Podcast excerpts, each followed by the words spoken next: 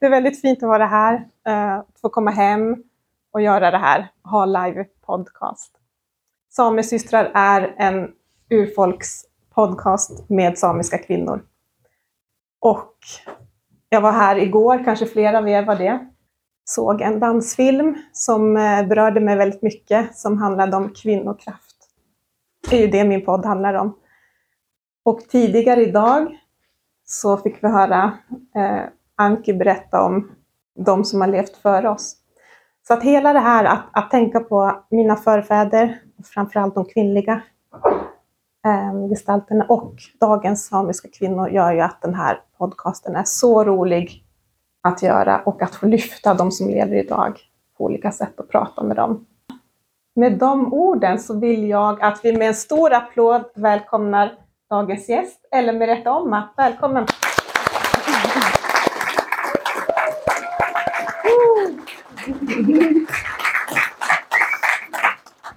Ja, så roligt! Ja. Tack för att du ville vara med. Ja, men tack för inbjudan, det var jättetrevligt. Ja. Mm. Så traditionsenligt i min podd så vill jag att gästen eh, presenterar sig, vem, vem du är, vart vi kan placera dig, för de som inte vet. Mm. Ja, jag heter Ellen Merete Omma. Jag är uppvuxen i en renskötarfamilj i Svakensita och i Vapsten sameby. Där mina familj och jag fortfarande håller på med renskötsel. Eh, Jag är utbildad jurist ifrån Oslo. Mm. Där jag specialiserade mig på olja och gas. Um, Okej. Så, ja, så det var en del av planen egentligen, att börja jobba med, med de frågorna. Men när man är uppvuxen i en renskötarfamilj så blir de här diskussionerna om eh, ja, men, ingreppsproblematik, um, rovdjursfrågor, vara en minoritet i majoritet, men också kärleken till, till renen, en del, alltså central del av din uppfostran. Um, så jag tänker att det har, olja och gas var inte så kul. Men det var just den här kärleken till renen som, som gjorde att jag bytte egentligen och insåg att men jag vill jobba med samiska rättigheter, jag vill jobba med mäns, mänskliga rättigheter, jag vill jobba med urfolksfrågor. Mm. Så det har nog speglat min karriär fram till där jag är idag. Och idag så är jag chef för samerådets EU-avdelning. Yes, och dit kommer vi. Ja.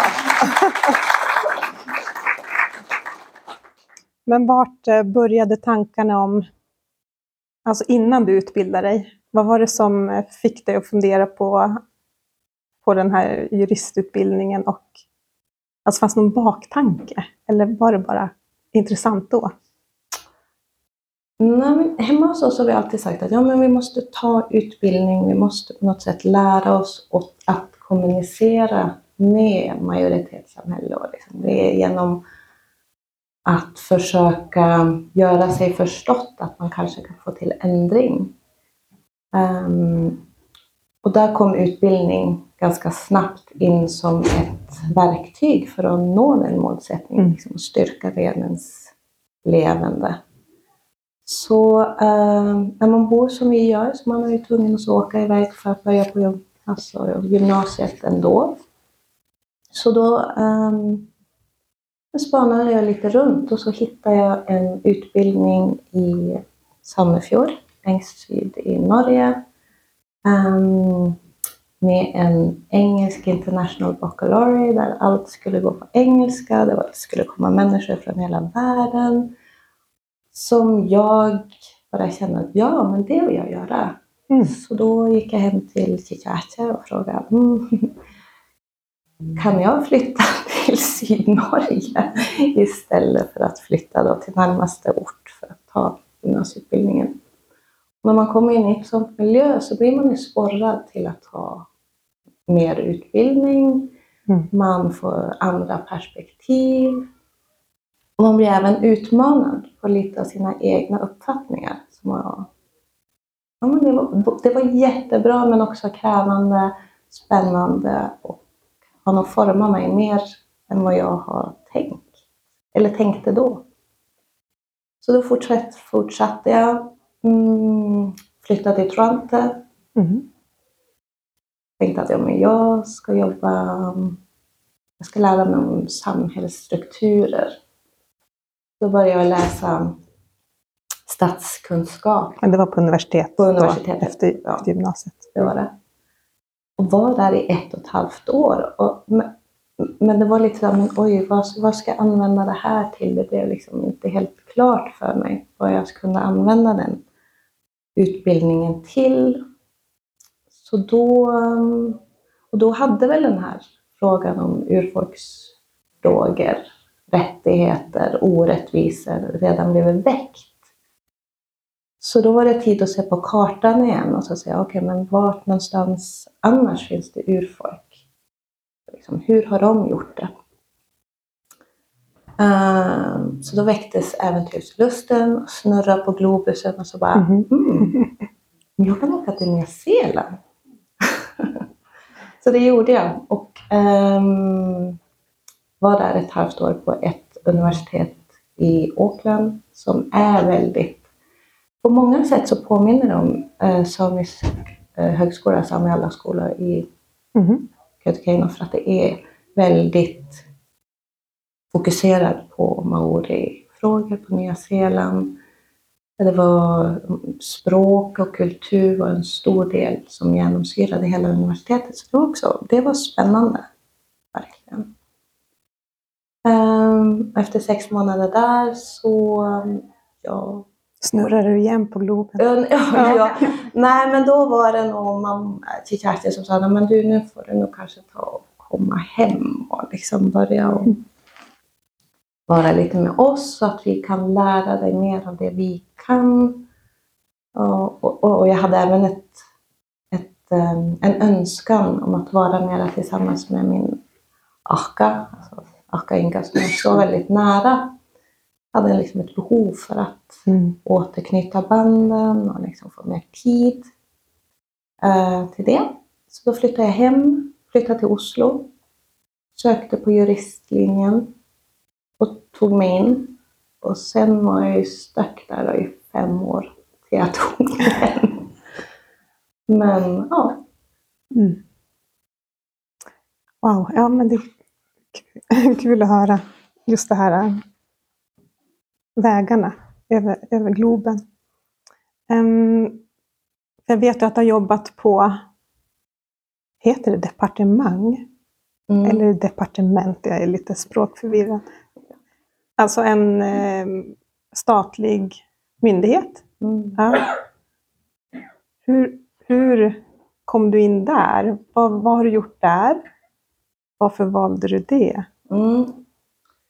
Ja, men som jag sa då, olja och gas, det var ju inget kul. Så då, eh, nyutbildad, kände att ja, men jag är tvungen att lära mig vad juridik är. Jag är tvungen att liksom förstå hur man ska använda det här.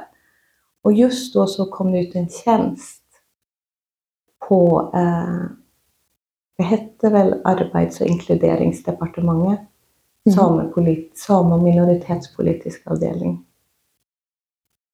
Um, kände att ja, men okej, men jag kan ju göra det till att börja med. Det var bara ett vika- vikariat jag började med, så det var liksom sex månader. Jag tänkte att ja, men det är lugnt. Det kan, jag, jag kan jobba i, i staten i sex månader för att lära mig det här. Det passar ju bra. Jag Men vad, vad var det för det var en ju- uppgifter? Eller vad gjorde du? Jo, men jag, jag fick ju göra mycket, mycket blandat. Men även juridiska frågor. Alltså allt från att behandla överklagande efter Finnmarksloven Mm. till att delta i konsultationer mellan Sametingen, Sametinget och eh, staten. Till att arbeta mer brett med mänskliga rättighetsfrågor genom, ja, men, genom utrikesdepartementet, sina delegationer till Genève och New York. Det, är ja, det var liksom ganska brett men ändå juridiskt riktat. Ehm, och hela poängen med den där avdelningen är väl egentligen att se till att det samiska perspektivet återspeglas i den statliga politiken på ett sätt eller annat. Så det var ju mycket också att läsa andra departements um,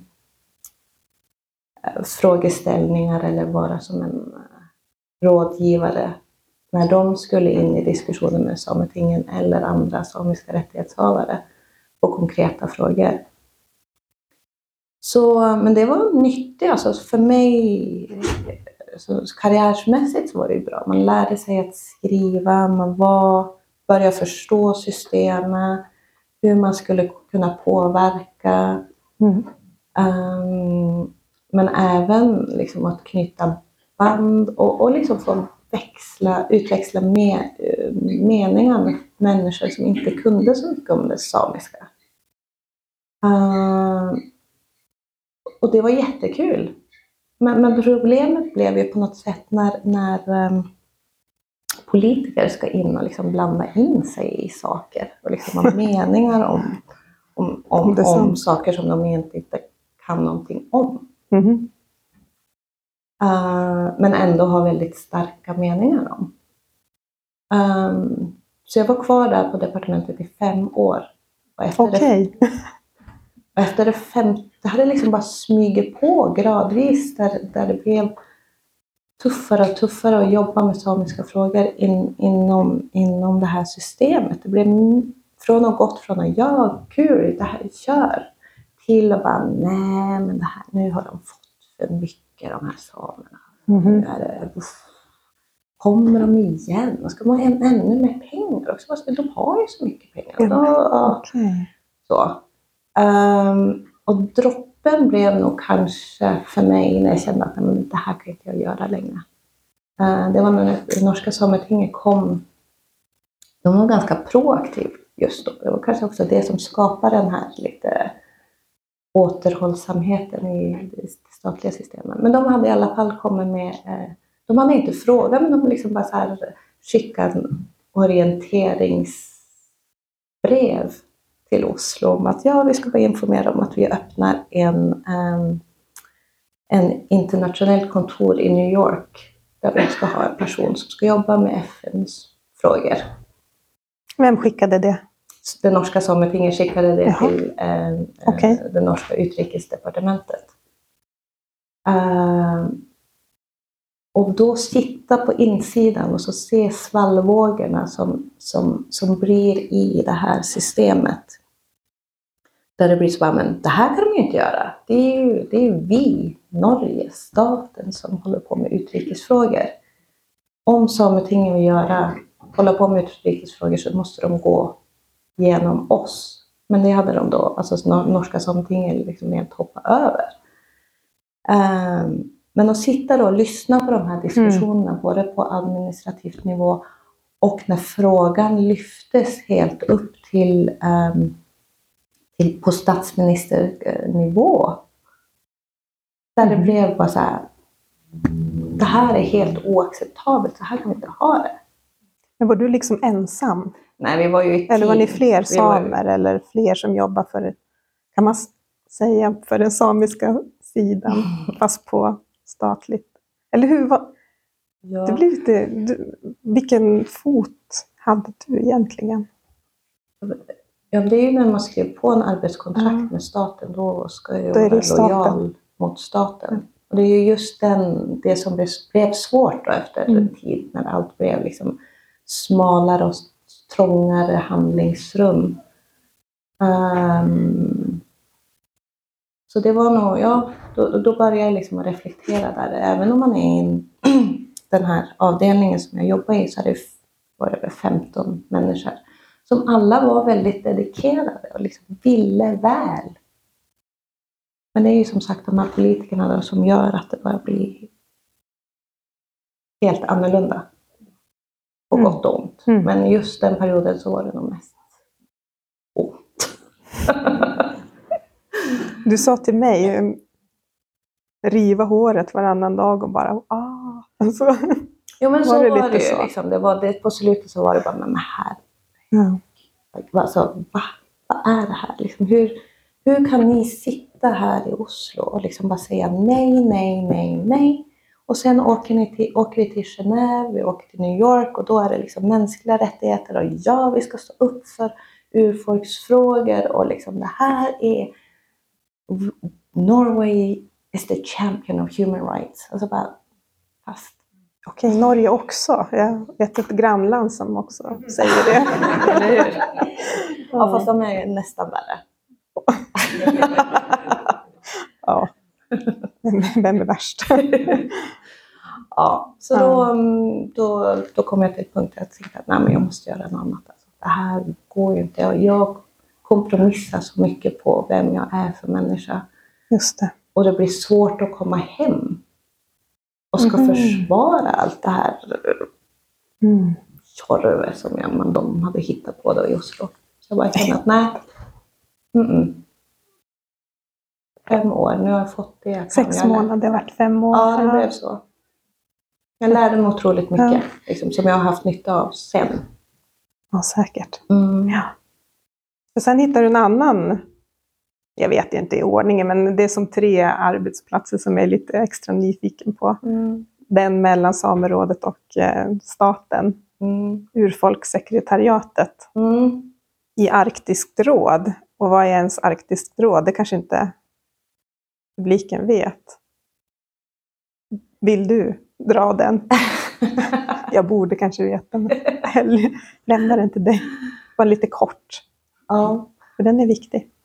Arktiskt råd är viktig när det gäller arktiska frågor i hela Arktis, alltså alla de arktiska staterna eh, som är Norge, Sverige, Finland, Ryssland, Kanada, USA på grund av Alaska och Island.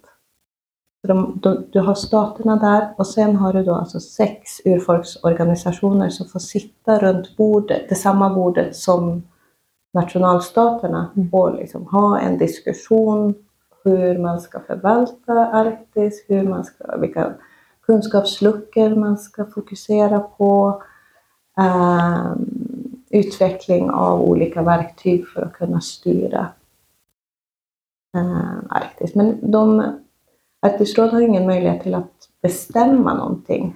Eh, men eftersom staterna sitter där så är tanken att det här kunskapsgrundlaget ska kunna trippla ner i national, på nationell nivå när man ska implementera de Mm. här rekommendationerna. Ehm, så det var väldigt lockande för mig. Jag tänkte att ja, men jag kan jobba med, jag vill lära mig mer om urfolk i ett mer internationellt perspektiv. Just, och kanske just mot bakgrund av att när jag hade sett där i det norska systemet hur man pratade så väl om mänskliga rättigheter och urfolksfrågor internationellt så tänkte jag att Arktiskt råd kan, då kan jag ju ändå ta med mig det jag har jobbgjort i fem år och se hur man kan göra, men att sätta det i en helt annan kontext. Så då sökte jag på tjänsten som en ledare för Arktiska rådets urfolkssekretariat och fick den tjänsten. Det var jättekul. Eh, Då var arbetsplatsen i Köpenhamn. Just det. Um, men mandatet som jag hade fått var att ja, men du ska flytta eh, sekretariatet ifrån Köpenhamn till Tromsö. Så det är liksom det du blir anställd för att se till att den processen Ja. eh, blir genomfört på ett bra sätt. Det var ju också väldigt spännande när man skulle börja förhandla med dels de sex urfolksorganisationerna på hur man skulle göra det här och hur det skulle se ut. Men också när man ska börja förhandla med, med, med staterna. Då. Vem är det som ska betala kalaset? Vem är det som ska liksom se till att, att även de sex urfolksorganisationerna ska ha nog, få någon form för kapacitet till att kunna verka inom ramen för Arktiska rådet. Och där blev det igen liksom bara så här, ja, mm, mm, mm, mm. Inte helt. Ja, de, alltså de höll väldigt hårt i pengarna. De Ja. var väldigt försiktiga med att göra en investering i det. I, i Sekretariatets flyttande då till, till, till Tromsö. Men Norge hade ju varit så, liksom, de ville verkligen ha sekretariatet för hela Arktiska rådet till Tromsö. Så de hade ju liksom lagt sina oljepengar på bordet och sagt att ja, men vi vill ha sekretariatet där. Det är bara så det här. Så i den här process, flyttningsprocessen då, så blev det bestämt att även Norge tillsammans med Danmark skulle finansiera flytten och finansiera lönerna och etableringen av kontoret. Flytt till Tromsö. Alltså det låter ju som en ganska praktisk grej bara. Mm. Jag i min eh, tanke tänkte att eh, du kanske jobbade med något annat. Men de gör ju annat idag. Mm.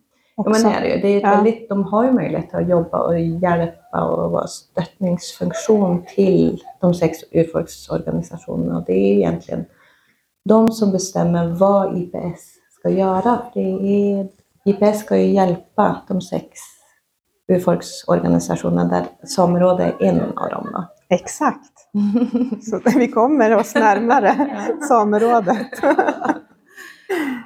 Så ja, men det var jättespännande och man lärde mycket. Alltså, på många sätt så är ju kunskapsproduktion i Arktiska rådet, den, den är ju väldigt vetenskaplig och naturvetenskaplig riktad. Så, och det var en utmaning för mig som bara kom, hade bara min juristutbildning. Alltså man kan ju inte så mycket som jurist förutom process. Alltså man, det är ju det man blir drillad på, liksom kunna föra, göra processer. Men att komma dit då med, med forskare Mm. eh, och prata, försöka liksom synliggöra våra kunskapsluckor om hur vår kunskap, vår samiska kunskap ska kunna ehm, användas och liksom gifta sig med västlig vetenskap. Det var också väldigt spännande och lärorikt.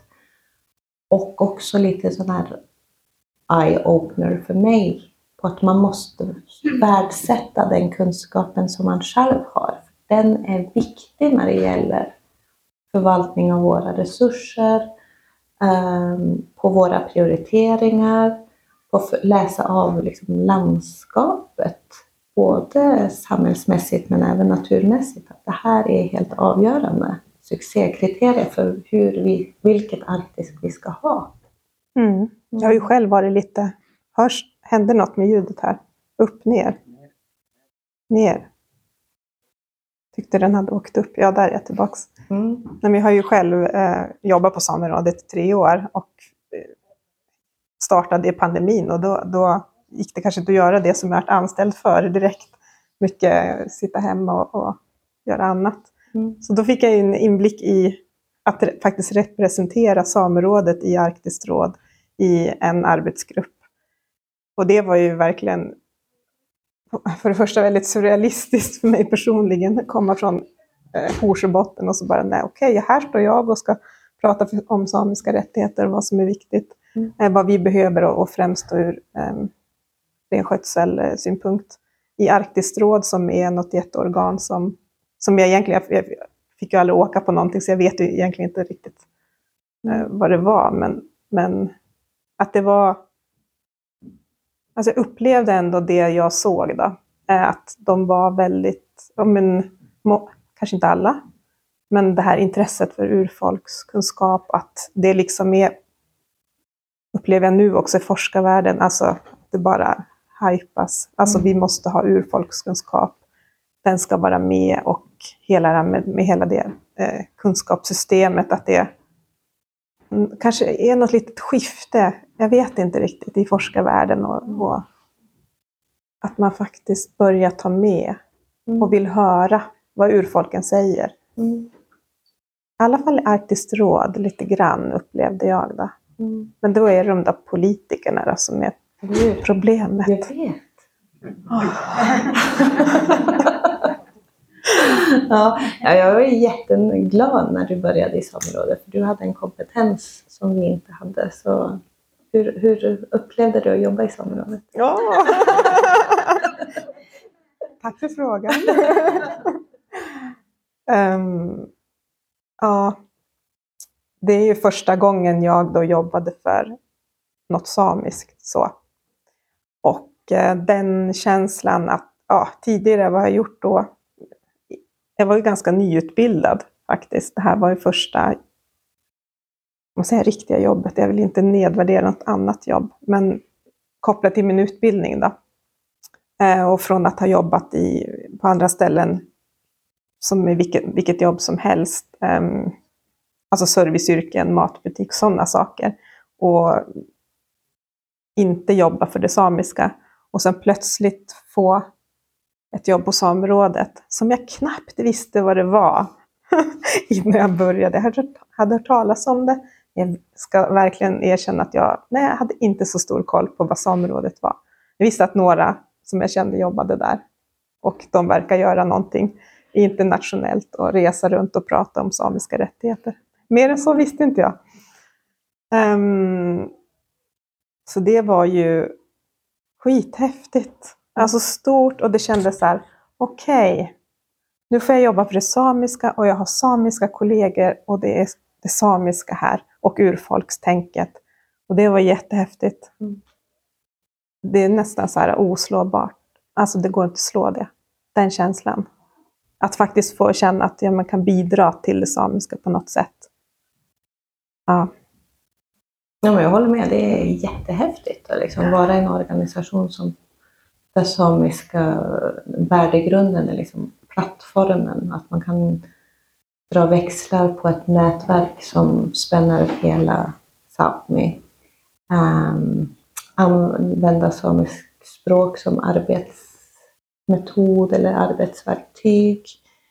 Där man inte behöver förklara massa Precis, saker. Precis, ingenting. Liksom, och liksom, om det en dag du är tvungen att göra något annat, så ja men, ja, men så är det.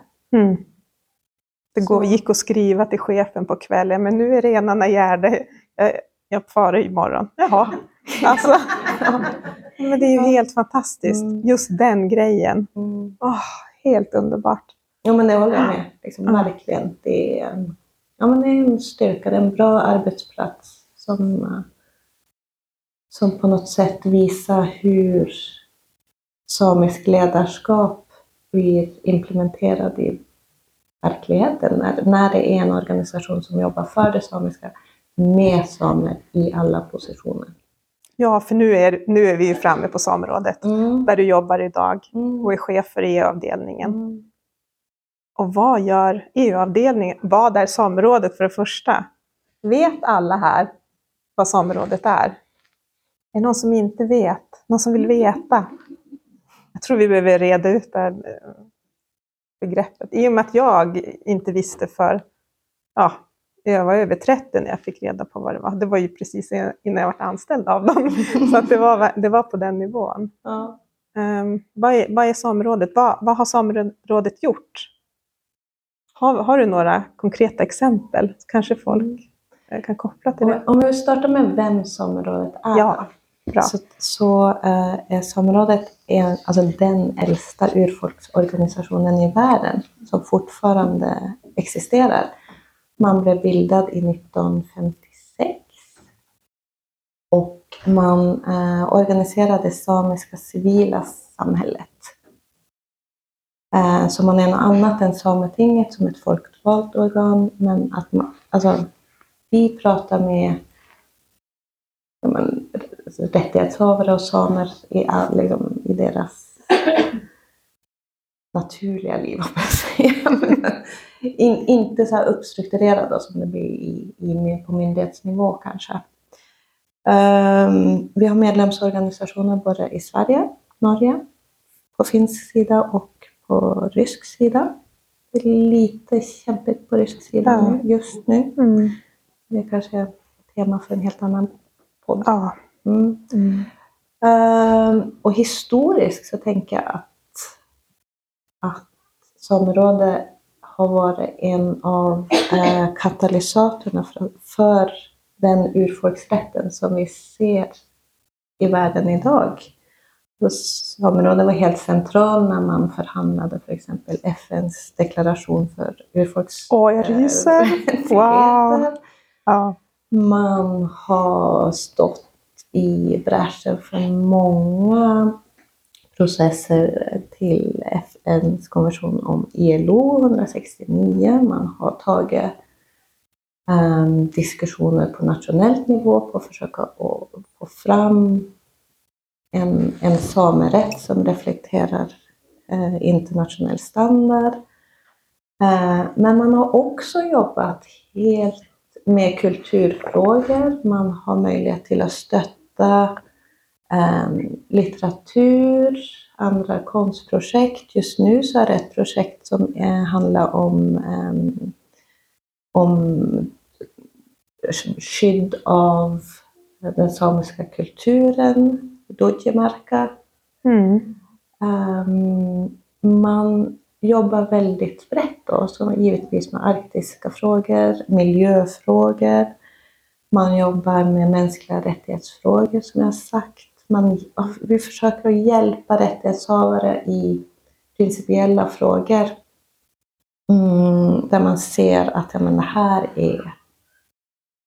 Ja, men, rättighetshavarna behöver lite hjälp då, i vissa principfrågor. Um, gruvfrågor har vi kört några så här principiella frågor på. Mm. Fosen har vi gett några expertutlåtanden på. Um, så vi jobbar väldigt brett. Um, samiska flaggan. Exakt. Som jag har också, ja. där är samerådet mor. Mm. Um, Precis. Så det är många av de här sakerna som man ser runt omkring sig som härstammar ifrån långsiktigt arbete i, i samerådet. Det är kul. Mm. Mm. Just det. Ja. Det är lite, ändå en lite, så här, lite hemlig organisation, fast den inte är det ändå. Ja, men man var bra, då, har, då har vi rätt ut det. Och EU-avdelningen startades eh, mm. 2019 kanske? Ja, Nej, du får dra det själv. um, så, alltså, samerådet har varit väldigt ofta i framkant på att mm. läsa av landskapet. Vart är, man, vart är man på väg? Så redan när Sverige och Finland och Norge försökte att bli medlem av EU så um, förstod Samerådet då att ja, men vi är tvungna liksom, det samiska måste på något sätt bli reflekterat i det här arbetet. Uh, så då började man satt EU, alltså vi på kartan redan då och började att trycka på Norge, Sverige och Finland. Så, men om vi ska hit så måste vi få några undantag i, om länderna blir medlemmar. Alltså det, man kan inte köra samma princip om att alla ska ha likrätt till allt. Just för att samer är ett urfolk med speciella rättigheter. Och, och då klarade man att förhandla, att man fick med ett, en, ett annex eller en bilaga till tillträdesavtalet för Sverige och Finland. Då. Mm. Norge blev ju kvar på utsidan.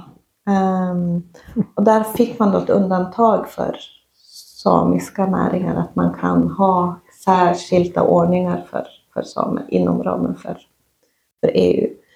Så EU-frågan har varit central för, eller den har åtminstone legat på bordet för Samerådet. Men det är alltid en fråga om pengar, mm. resurser.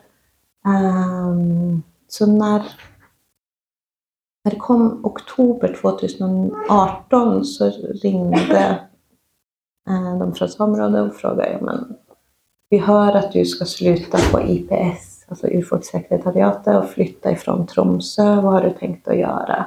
Mm. Och då var jag lite där, nej jag vet faktiskt inte vad jag ska göra. Jag måste liksom ta lite tid på att fundera vad jag, vad jag vill.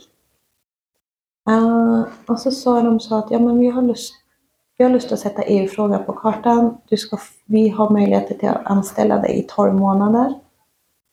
Um, där du ska få upp en, en ny avdelning inom samrådet som ska jobba med EU-frågor. Um, ehm, men efter 12 månader, då liksom, ja, antingen så har du ett jobb kvar och du har liksom en avdelning som är på väg. Annars så får du hitta på något annat. Mm. Och det var ju väldigt stimulerande. Tänkte jag, wow, det här är ju något nytt. Alltså, det här är Ja. nästa steget. Och så så mm, jag var vid gott mod och åkte till Stockholm, till Oslo, till Mhm. Helsingfors. Och så var jag så här, tjena, här, här är vi. Eh, vi skulle behöva lite, lite diskutera mer om EU-frågor. Hur är det ni kan stötta samiska frågor i ert EU-arbete? Och det var liksom bara, mm, ja, nej men tack för att ni kom. Det var trevligt att lyssna på vad ni har tänkt att göra. Vi ser fram till eh, vad ni kommer fram till. Ja, Ja, och hej då. och hej då. Så det var ju lite demotiverande, men samtidigt inte överraskande. För jag hade ju Mm. min bagage med mig från mina fem första år. Så, jag, så då eh, packade jag väskan och åkte till Bryssel istället. jag hade knackat dörr. Och där var det bara, men oj, vad spännande. Mhm. Det här kan vi ingenting om. Ja, hur kan vi hjälpa er till att ta liksom, Vilken vändning. Ja, det var helt, jag var helt i chock. Jag kommer ihåg att jag ringde hem och så bara, men det måste ju vara något fel här. Liksom det. Ehm, ja, och sen fick jag den här frågan som jag liksom var helt oförberedd på. Så bara, så här, men, men, vad vill ni ha då? De frågade. De. EU, EU-kommission frågade, men vad vill du ha? Hur mycket behöver du? Liksom, vad, är, vad är vision din? Och liksom, vad vill du göra? Och jag var ju liksom i det här Det. Jag var liksom bara, jo, jag ska ta mig in på kontoret. Jag ska liksom få dem till att lyssna och så. Och så, och så hade de en helt annan approach där de var mer välkomnande. Och liksom, hur kan vi samarbeta? Så det var ju egentligen bara packa väskan igen och så åka hem och bara, okej, jag måste hitta någon och liksom bolla det här. Vi måste hitta ut vad vi ska göra. Eh, så då ansökte vi om ett Interreg-projekt som hette Filling the EU Sápmi Knowledge Gaps. Eh, så vi fick lite pengar, vi fick lite en möjlighet till att samla eh, kunskapsrika människor för att diskutera de här frågorna. Eh, och ett av resultaten ifrån det här projektet är en EU-strategi som ni kan hitta här på utsidan. Mhm. Där då våra samiska experter Mhm. eh, utvecklar en strategi med prioriteringar på vad nästa steg ska vara för Sápmi.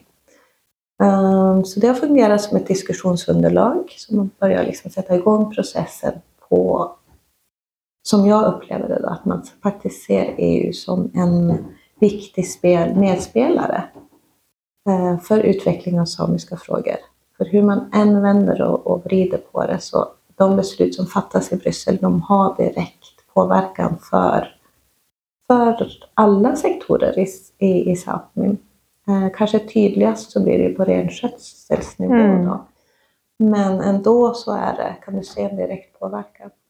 Så det var en jättespännande process att vara del av Mm. och se hur just den här, när man kommer att förbereda liksom en plan för vad man vill, hur dörrar öppnas och möjligheter visar sig som man kanske inte hade tänkt på att det var en möjlighet. Eh, Så där är vi i en process fortfarande där vi liksom försöker att navigera och försöker att se vad man kan göra. För, för just nu så kan det upplevas som att de ger för mycket och vi har inte kapacitet att ta emot allt det vi Mm. får Oj. På något sätt. För att det är liksom möjligheter till att påverka. Ehm, så fokus har legat nu mycket på skogsfrågan. Ehm, Du har lite kollegor med det Ja, här. jag har ju det. Ja. Så Karin har varit, Karin Pilfryknytt har varit, helt central i utvecklingen och pushande på skogsfrågan. Ehm, och där alla, det är kanske den frågan som har varit tydligast att EU är mera vänligsinnade. De, är lite, de förstår vårt perspektiv tydligare än vad de gör i Stockholm och Helsingfors. Ja, men det känns ju som att, ja, men nu är det något med ljudet igen. Tycker att Ja, den, den er nesten oppe i ja, den far upp av, av sig själv. Mm. Nej, men just det här, eh, du var ju ändå i Stockholm och, och, och där och försökte, men, men eh, jag ser det liksom som att eh, du får bara gå förbi nationalstaterna och gå Mm. direkt till EU. Ja, Men det är fantastiskt att det är liksom... Ja, och det är Ja, det som skiljer EU ja. från, FN-systemet för exempel. För att eh, EU är byggt upp på det här att, det är, att man ska vara där. Alla olika intressenter Mm. ska vara där och påverka. Det är helt legitimt. Det är en del av liksom kunskaps... Det är så kunskapsgrundlaget på något sätt bli, bli etablerad också. Um, så ja, men det har varit en jättespännande process. Och sen har jag en annan kollega här, Anja Maria Keskitalo, som har också varit central i, i, i, i den här processen på att bygga upp kunskapsgrundlaget. För exempel regionalpolitiksfrågan, där, man, där vi fick, plötsligt fick en invitation på att men, kunde, kunde ni vara intresserade av att följa vårt arbete för att lära er mer om det här? Och, och, och se hur inkluderande EU har varit. Det har varit helt fantastiskt. Eller kommission ska jag säga. Mm. Mm. För att jag, när jag pratar med människor, kan man säga på gräsrotsnivå då, det är ju många som, som ändå säger men EU är bara skit. Mm. alltså, är det en hel, ett missförstånd? De sitter bara i Bryssel och bestämmer. Mm. Eh, vi kan inte, det är liksom, de har noll förankring, verklighetsförankring, vad heter det, det? Eh, till vad vi har för behov och, hur, Mm. och sådana saker. Mm. Um, Ja, är det bara Nej, det, kan inte, det låter inte som så på dig. Alltså det, det är klart att allting är ju inte bra, Mm. så är det ju med allting. mm. Men att ändå, det låter som att det finns möjligheter. jag tänker att det är samma argument det kan man säga om Stockholm, Oslo och Helsingfors Ja. också. Att det är bara skit och man har ingen aning om vad som händer hos oss. Men skillnaden är ju egentligen som jag upplever att, att EU, ja, EU-kommission vill lära sig, är lite mer ödmjuk på det faktum att de inte vet. Och att det då ligger hos oss i att på något sätt hjälpa dem att sätta agendan för hur man ska kunna ändra på vissa politikområden. Men det kräver ju också någonting från oss. Vi är Mm. tvungna att ta ägarskap över vår verklighet och vår vardag. Vad är det vi vill ska ändras?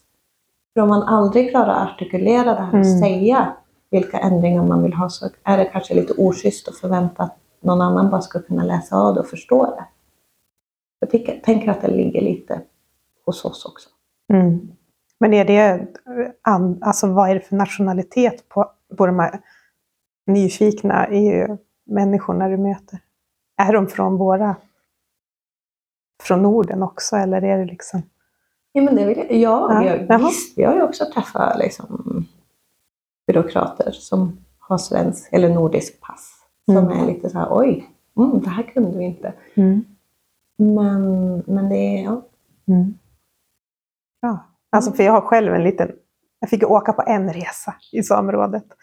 Eh, och det var att åka på, på, på någonting i Italien, eh, Arctic Passion, jag satt där. Och sen hade vi en dag, då skulle vi åka till ett eh, GRS, GR Center, någonting sånt, Joint Research Center Mm. i, utanför Milano. Milano. Mm. Eh, och så kom jag dit, jag visste inte vad det var. Ehm, jag var den enda samen på, på plats just då. Så kom, egentligen, ja precis, kom jag dit och så är det samiskt tema.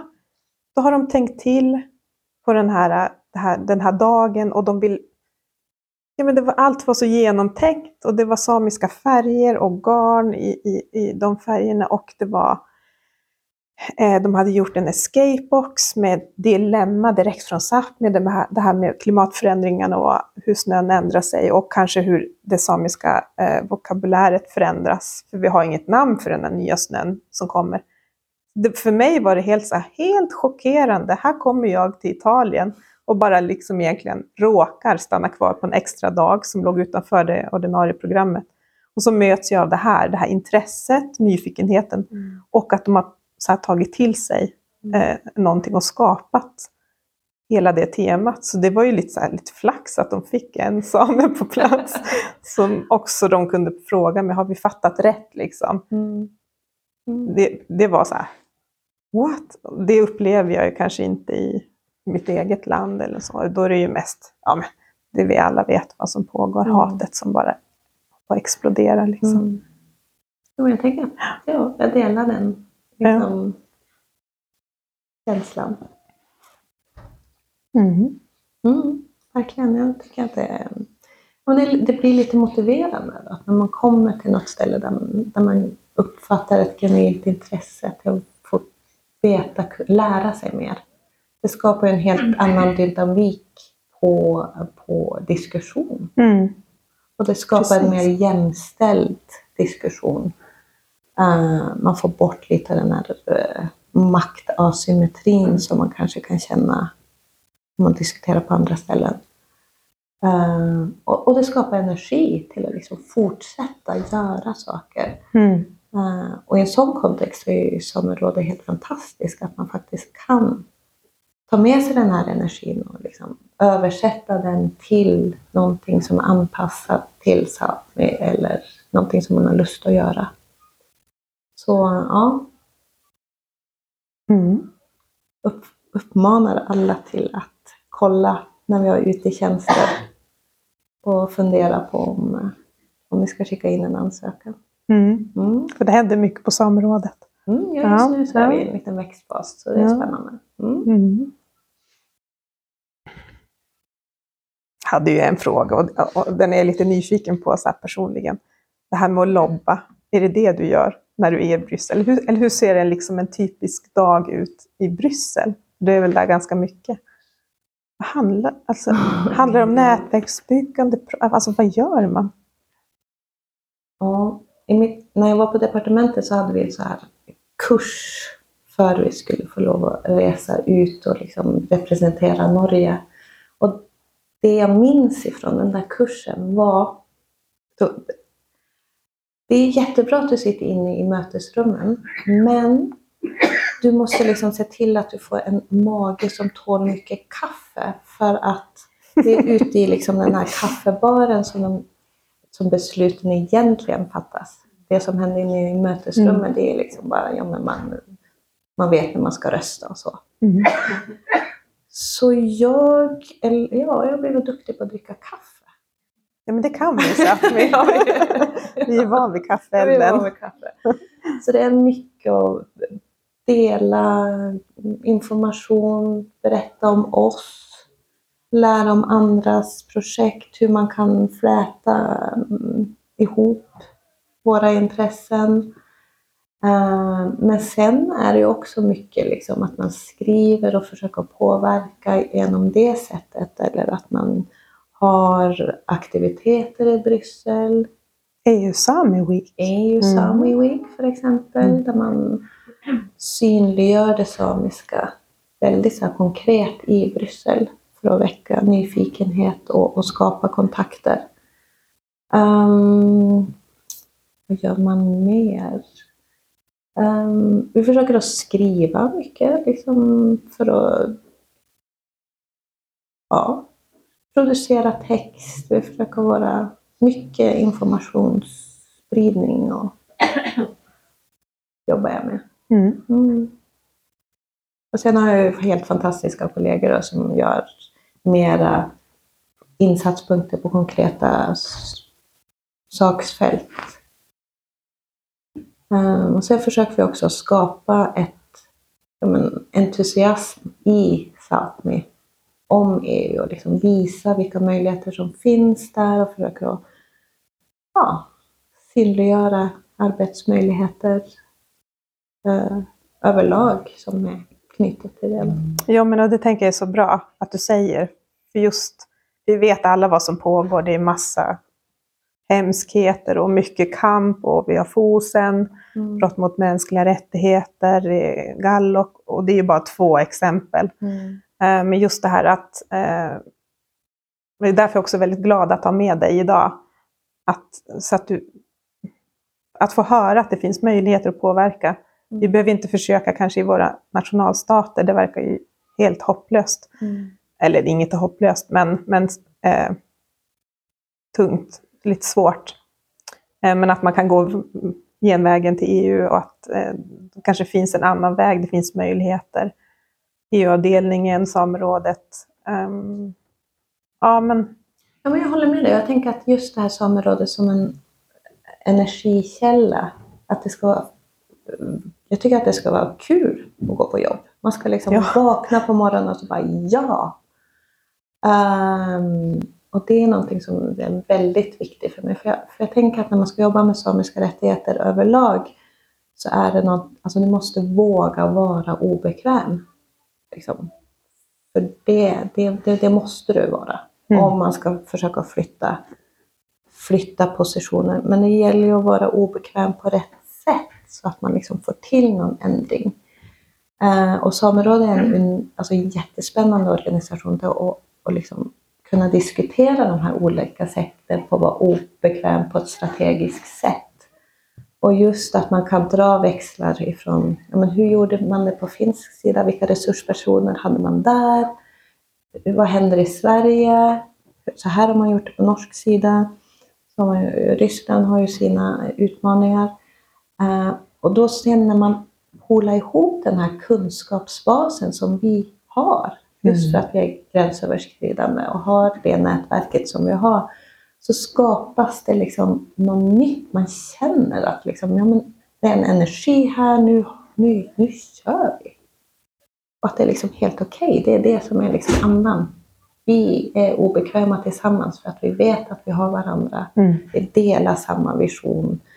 Ehm, så det är jättekul och, och jag tänker att det är, en, det är en målsättning för mig då att man ska försöka få det arbetsgruppen eller de som arbetar i, i området ska täcka störst möjlig geografisk område. Så jag uppmanar alla från sydsamiska området att verkligen se på samerådet som en potentiell arbetsplats. Ja. Eh, För jag tänker att det styrker hela samerådet och det styrker den samiska rättighetskampen och diskussion på ett bra Mm. man eh, finns överallt. Mm. Mm. Vi ska avrunda. Mm. Ja, vi har pratat en stund och gått igenom jättemycket. Mm. Ehm, tips och tricks till den som vill påverka. Du har nämnt det. Håll utkik på Samerådets hemsida till exempel. Mm. Ehm, val av utbildningar. Ja, har du något ti- tips från coachen? Jag tänker att du ska ta en utbildning som du brinner för och som, du- som ger dig energi. För att vi behöver alla former för kompetens. Så det viktigaste är att du liksom kör på någonting som är kul. Det finns, det är en plats för dig, vad du än väljer. Men det är det som är så fint i Sápmi. Mm. Jag tror det var någon som sa det igår. Eller om vi, eh, eller det är många som säger det, men i Sápmi, om du vill engagera sig så finns det alla möjligheter. Mm. Och sen tänker jag också, det är, våga vara obekväm. Det är helt okej att vara obekväm.